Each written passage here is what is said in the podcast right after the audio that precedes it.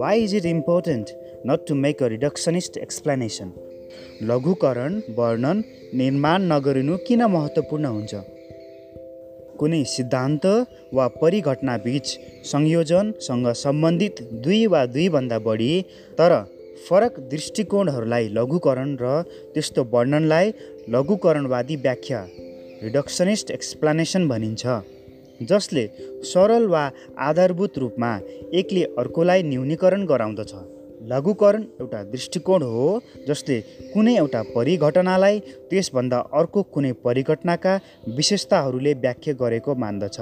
अर्थात् पहिलो सिद्धान्त वा परिघटना कुनै अर्को वा दोस्रो सिद्धान्तमा लघुकृत भई त्रुटिपूर्ण व्याख्या इरर एक्सप्लेनेसन हुन पुग्दछ। यहाँ पहिलो सिद्धान्त वा परिघटना दोस्रोको उपक्रम वा उपपरिघटना बनेको मानिन्छ। कुनै खास सिद्धान्त वा पद्धतिका आवश्यक विशेषताहरूले मात्र लघुकरण हुन्छ भन्ने त्यस्तो कुनै ठोस आधार हुँदैन। डब्लु लरेन्स न्युम्यानले लघुकरणलाई यसरी स्पष्ट गरेका छन् लघुकरण व्याख्यामा हुने त्रुटि हो जसमा विश्लेषणका साना स्केलका एकाइहरूबीच सम्बन्ध पत्ता लगाइएका आनुभविक तथ्याङ्कहरू अधिक सामान्यकृत गरिन्छन् र ठुला एकाइहरूबीच सम्बन्धबारेका कथनहरूका लागि प्रमाणको रूपमा निरूपण गरिन्छ। उदाहरणका लागि जैविकीय लघुकरण बायोलोजिकल रिडक्सनिस्टले मनलाई मस्तिष्कका शारीरिक विशेषताहरूको आधारबाट व्याख्या गर्दछन् किनभने मन मानिसको शारीरिक अवस्थासँग सम्बन्धित हुन्छ। तर मनलाई नै मानसिक रूपबाट समेत व्याख्या गर्न सकिन्छ। तसर्थ मानसिकता केवल मस्तिष्कको एउटा उपक्रम मात्र मानिन्छ।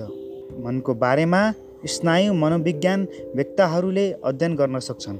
यहाँ मानिसको मन र मस्तिष्कको व्याख्या गर्ने सिद्धान्त शारीरिक सिद्धान्त वा दृष्टिकोणबाट मानसिक सिद्धान्त वा दृष्टिकोणमा स्थानान्तरित हुन्छन्। जुन मन सम्बन्धी अध्ययनको सिद्धान्तको लघुकरण भयो। लघुकरण व्याख्या निर्माण नगरिनु किन महत्त्वपूर्ण हुन्छ? समाजशास्त्रका विविध पक्षहरूबारे गलत निर्णय र निष्कर्ष चित्रण नहुने गरी तिनको वर्णन गर्न लघुकरण व्याख्या निर्माण नगरिनु महत्त्वपूर्ण हुन्छ। उदाहरणका लागि गरिबको मुद्दा इस्यु अफ प्रोभर्टीलाई लियौँ।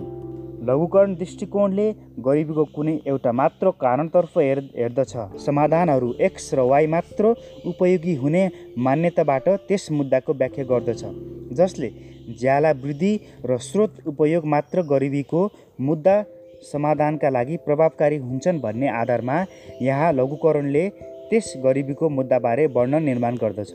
तर समाजका संरचना ज्यादै जटिल भएकोले गरिबी कुनै एउटा मात्र कारक र त्यसका कुनै खास समाधानहरू मात्र हुन्छन् भन्न सकिँदैन।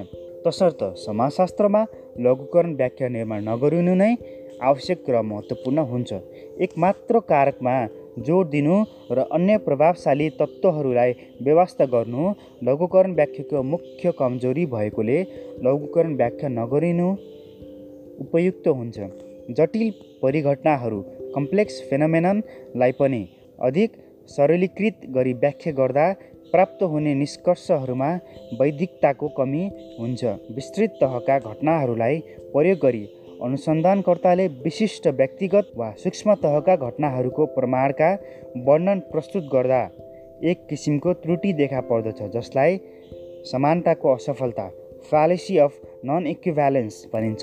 यस्तो त्रुटिपूर्ण वर्णबाट मुक्त हुनका लागि समेत लघुकरण व्याख्या निर्माण नगरिनु महत्त्वपूर्ण हुन्छ। धन्यवाद।